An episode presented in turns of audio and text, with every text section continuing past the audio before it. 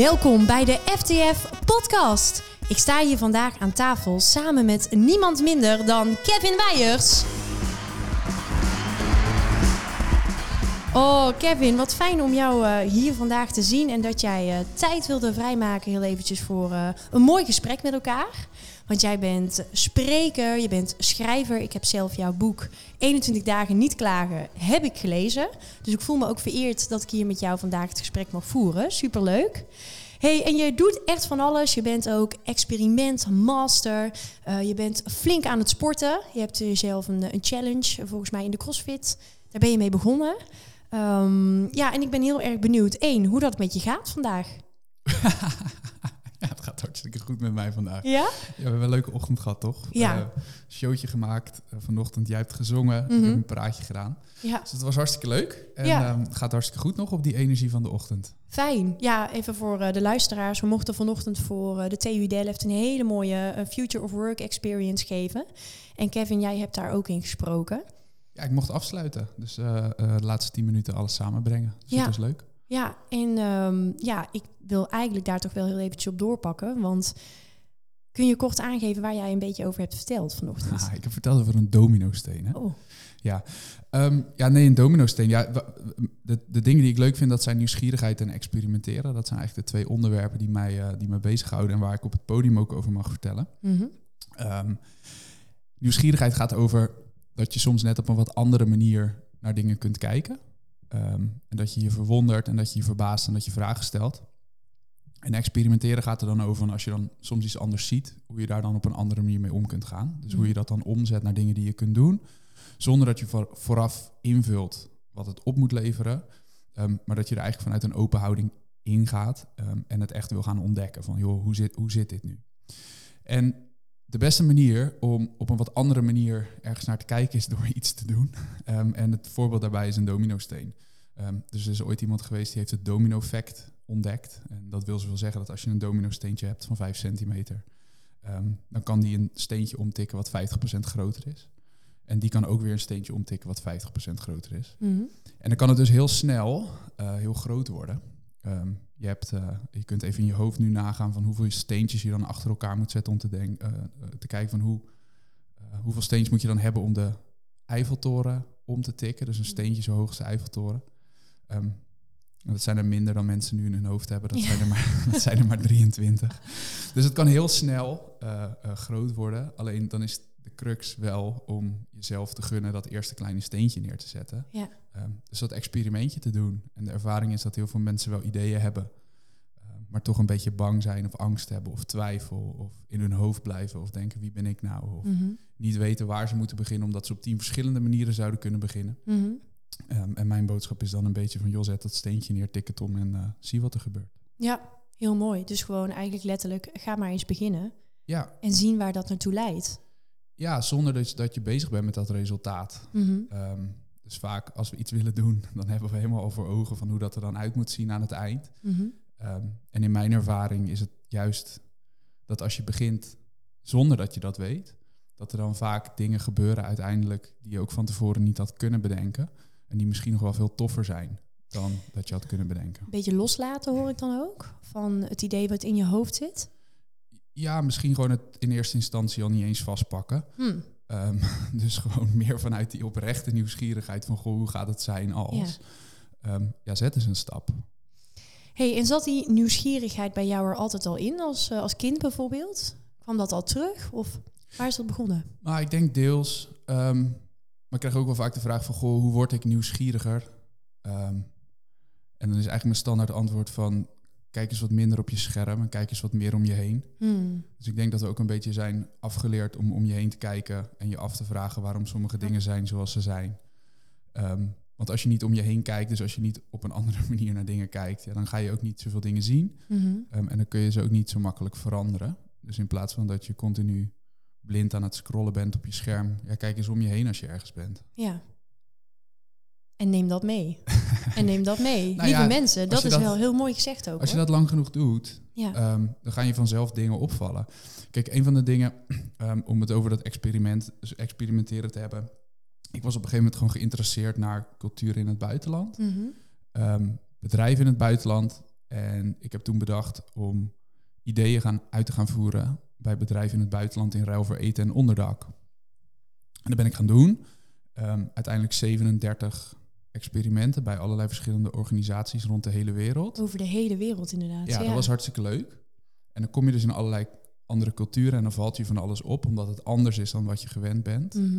Maar de kunst is vaak ook om, als je ergens bent waar je misschien wel denkt te weten hoe het in elkaar steekt, om dan ook eens op te letten en te kijken van, maar wat gaat hier eigenlijk? Wat vindt iedereen hier heel normaal, wat Mhm. misschien eigenlijk helemaal niet zo normaal is? Nee, dus dat zou de luisteraar bijvoorbeeld ook eens op de werkvloer kunnen doen. Waar hij of zij ook mag zitten. Om eens te kijken van, wat zie ik hier nou eigenlijk allemaal gebeuren? Nou, dat denk ik. Ik denk dat dat leuk is voor jezelf. Mhm. Ehm, hoe we elkaar bombarderen met e-mails en iedereen in de cc zetten. Hoe we, als we ideeën hebben, dat er dan eerst een projectgroep gevormd moet worden en budget moet worden aangevraagd.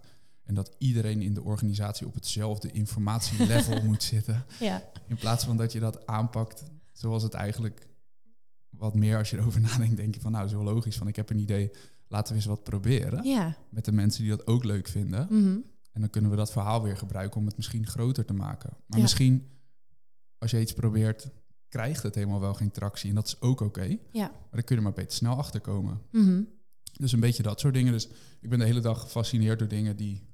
Ik was nu in de stad en dan word ik voorbij geraasd door iemand op een e-bike. ja. En die kijkt dan boos. En dan denk ik, je zit op een fiets. Het wordt je al makkelijker gemaakt dan Ja. dat het daadwerkelijk is. En je bent alsnog boos. Dat vind ik gek. Oh, heerlijk. Ja, oké. Nou, dat, soort, dat soort dingen. En dan Ja. met het ene doe ik wel iets en met het andere niet. Nee, precies. En hier doe jij... eh, Nee. nee. Nee, daar lach ik dan alleen om. Maar Dat laat, jij, eh, dat laat je gaan. Maar wel mooi inderdaad, om, om even te benadrukken dat er om je heen gekeken eh, mag slash moet worden. ja, is toch leuk? Ja, nou ja, zoals je dat zegt. Maar ik denk dat heel veel mensen dat gewoon op dit moment eventjes kwijt zijn. En een beetje vastgeroest zitten inderdaad achter een scherm.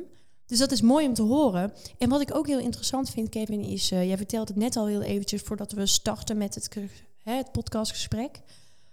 CrossFit, Crossfit. Ja. daar ben jij mee begonnen. Ja. Vertel. Nou, mijn leven hangt dus een beetje aan elkaar van experimenten. Mhm. En na de wereldreis ehm, nou ja, was ook corona. Dus dat was even, was even anders. En Ja. dan tussen die grotere experimenten in heb je altijd zo'n periode dat je dan even aan het oriënteren bent op wat wordt het volgende. Ja. En ik vind sporten sowieso altijd al heel leuk.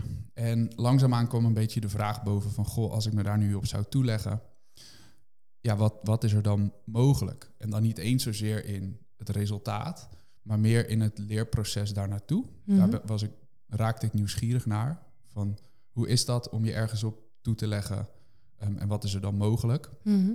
Dus daar ben ik mee begonnen vorig jaar zomer.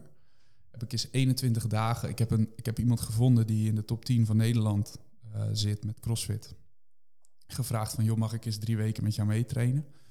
Ehm, en dat heb ik gedaan. Gewoon eens om te ervaren hoe dat dan ook daadwerkelijk is. Mhm. Nou, dat was hartstikke leuk. Het was ook loodzwaar. Ehm, want ik moest twee keer per dag trainen. Jeetje, twee keer per dag, joh. Twee keer twee Bizar. uur, tweeënhalf uur. Ehm, en als we één keer trainen, trainen we drie uur. Hadden we één rustdag. Dus ik, ik had ook echt die drie weken vrijgemaakt. Ehm, en als ik niet aan het trainen was, dan was ik aan het herstellen, slapen, op de bank liggen, eh, spierpijn hebben. Eh, dat soort dingen. Dus ik heb dat, dat als een experiment aangepakt. En ik kwam er na drie weken achter dat ik dat eigenlijk toch ook wel gewoon echt heel leuk vond. Mhm. En toen ben ik gaan kijken van, oké, wat is dan de volgende stap? Hoe kan ik dit onderdeel maken van mijn normale leven?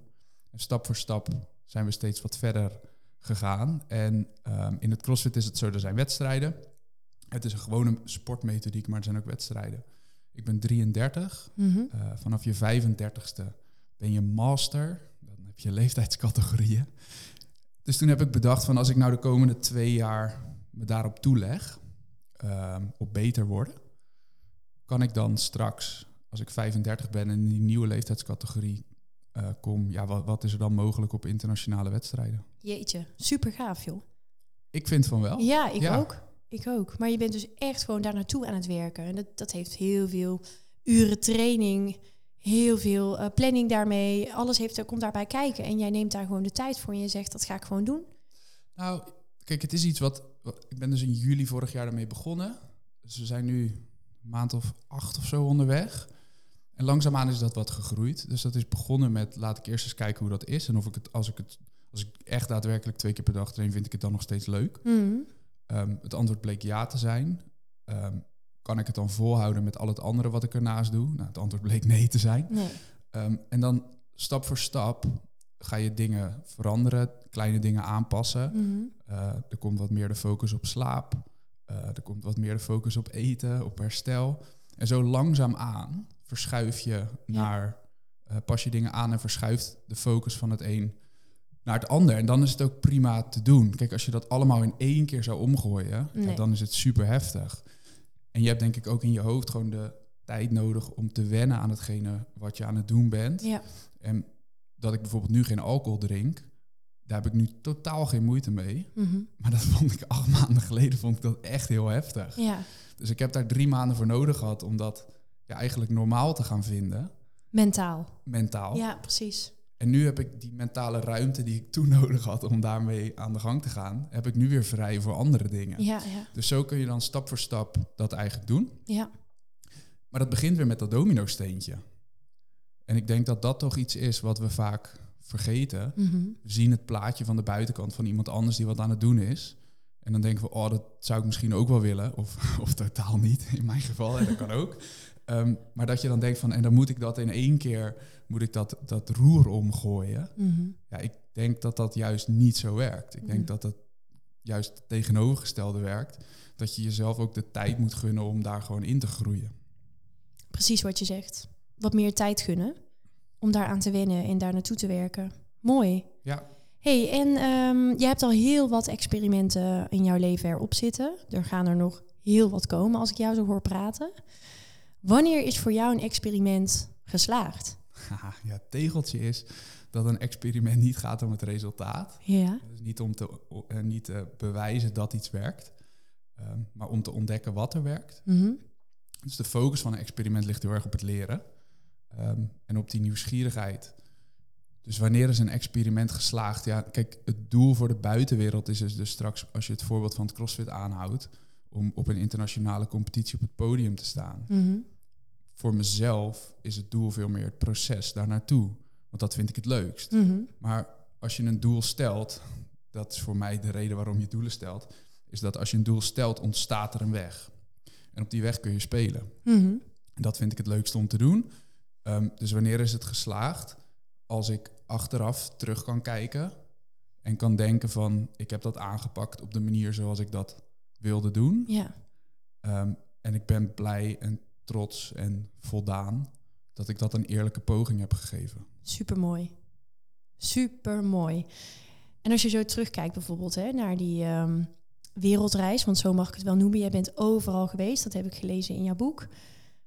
Wat is jou daar het meeste in bijgebleven? Wat, wat, waar kijk je op terug waarvan je denkt, ja, dat, daar heb ik zoveel van geleerd of dat viel me zo op? Nou, ik ging, ik ging van plek naar plek. Wat me opviel was dat los van dat je gigantische cultuurverschillen hebt Mhm. op de wereld, maar dat heb je in Nederland ook. ehm, dat globaal toch heel veel mensen eigenlijk wel gewoon hetzelfde willen. Iedereen wil het gewoon een beetje naar zijn zin hebben. En dat met elkaar doen. Dus Mhm. dat, dat vond ik op zich een, wel een opvallende gelijkenis. En afhankelijk van de context geef je daar op een andere manier invulling aan. Ehm, maar ik ging dus van plek naar plek. En wat me op een gegeven moment is opgevallen is dat hoe, doordat ik vaak ook dingen in ruil voor eten en onderdak deed en dus in huis werd genomen door mensen, eh, hoe snel en in hoe korte tijd je eigenlijk dan een band opbouwt. Mhm. Soms zelfs wel in een week. Dat had ik van tevoren nooit, nooit gedacht dat dat zo, zo, in- Snel kon zo intens zou Ja. zijn. En dat ik het dus ook vaak jammer vond om dan na een week weg te gaan. Want dan ging ik weer ergens naartoe Mhm. waar ik dan weer de mensen niet kende en het land niet kende. En dat was elke keer best wel spannend. Mhm. Toen ik dat een aantal keer had gedaan, kwam ik eigenlijk achter dat elke keer de plek waar ik dan bang was om naartoe te gaan, of het spannend vond, dat werd dan de volgende plek waar ik dan straks niet meer weg wilde gaan. Ja.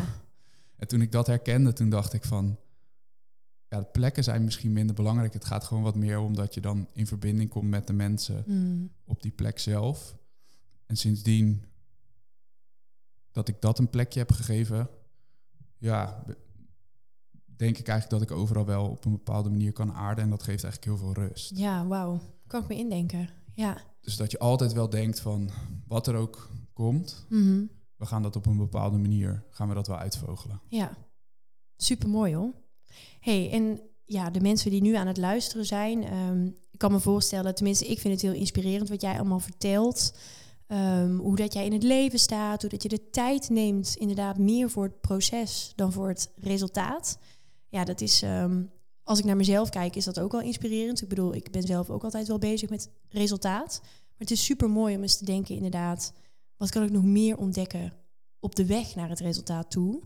En nu kan ik daar eens meer de tijd voor nemen en misschien ook wat meer van genieten van die route daar naartoe.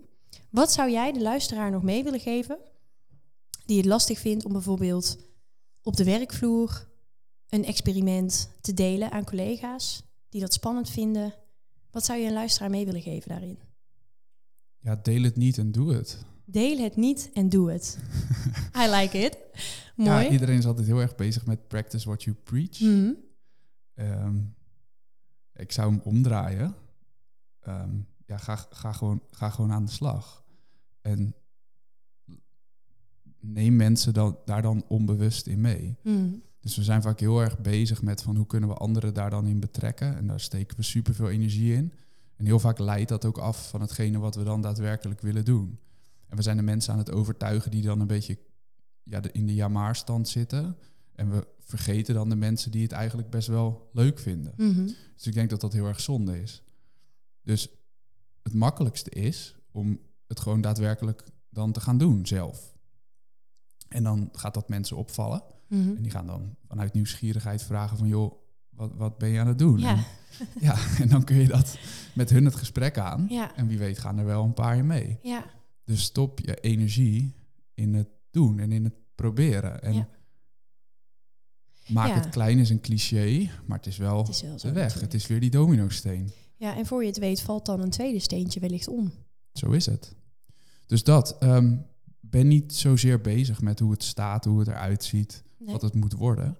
Ehm, wat is de eerste dominosteen en tik hem om. Super mooi, Kevin. Dankjewel. Ik zou ook hier heel graag de podcast mee willen afronden.